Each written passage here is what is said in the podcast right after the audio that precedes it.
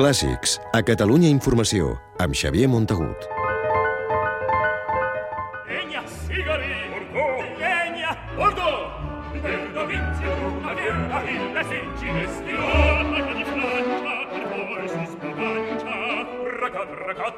Es representa aquests dies al Liceu de Barcelona la Bohème, l'òpera més popular de totes, un títol ple d'emocions que estan estretament lligades a la música romàntica de Puccini, que és d'una extraordinària qualitat melòdica, amb àries i duets que són autèntics hits universals. La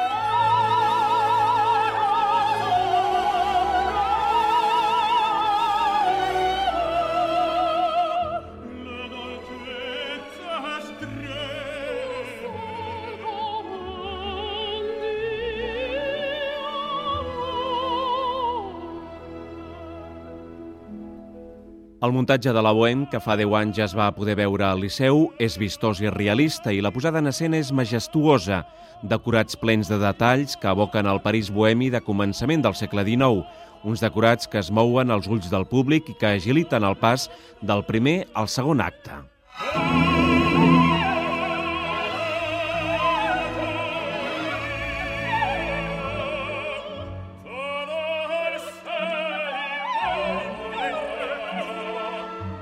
És espectacular, per exemple, com l'espectador es trasllada en pocs minuts del pis on viuen els quatre joves artistes de l'obra, unes golfes atrotinades, al bulliciós Café Momí del barri llatí de París, on enmig d'una multitud de gent que entra i surt dels decorats en moviment, el poeta Rodolfo es diverteix amb la seva enamorada, la cosidora Mimi, que malalta de tis i mor al final de l'obra. Oh, Mimi, tu più non torni, oh giorni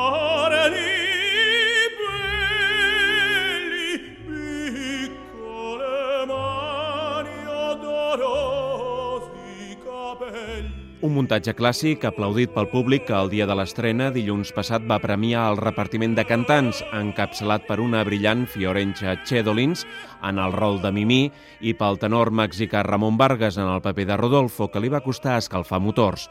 La parella Museta Marcello va funcionar d'allò més bé amb una elegant Ainhoa Arteta al costat d'un sorprenent Christopher Malman.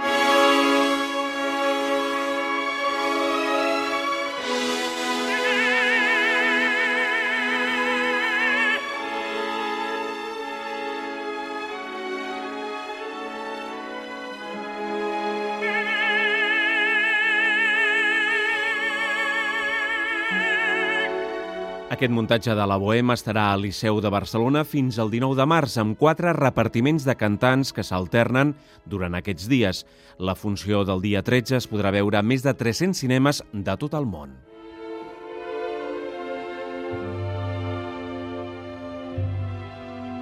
Clàssics, amb Xavier Montagut.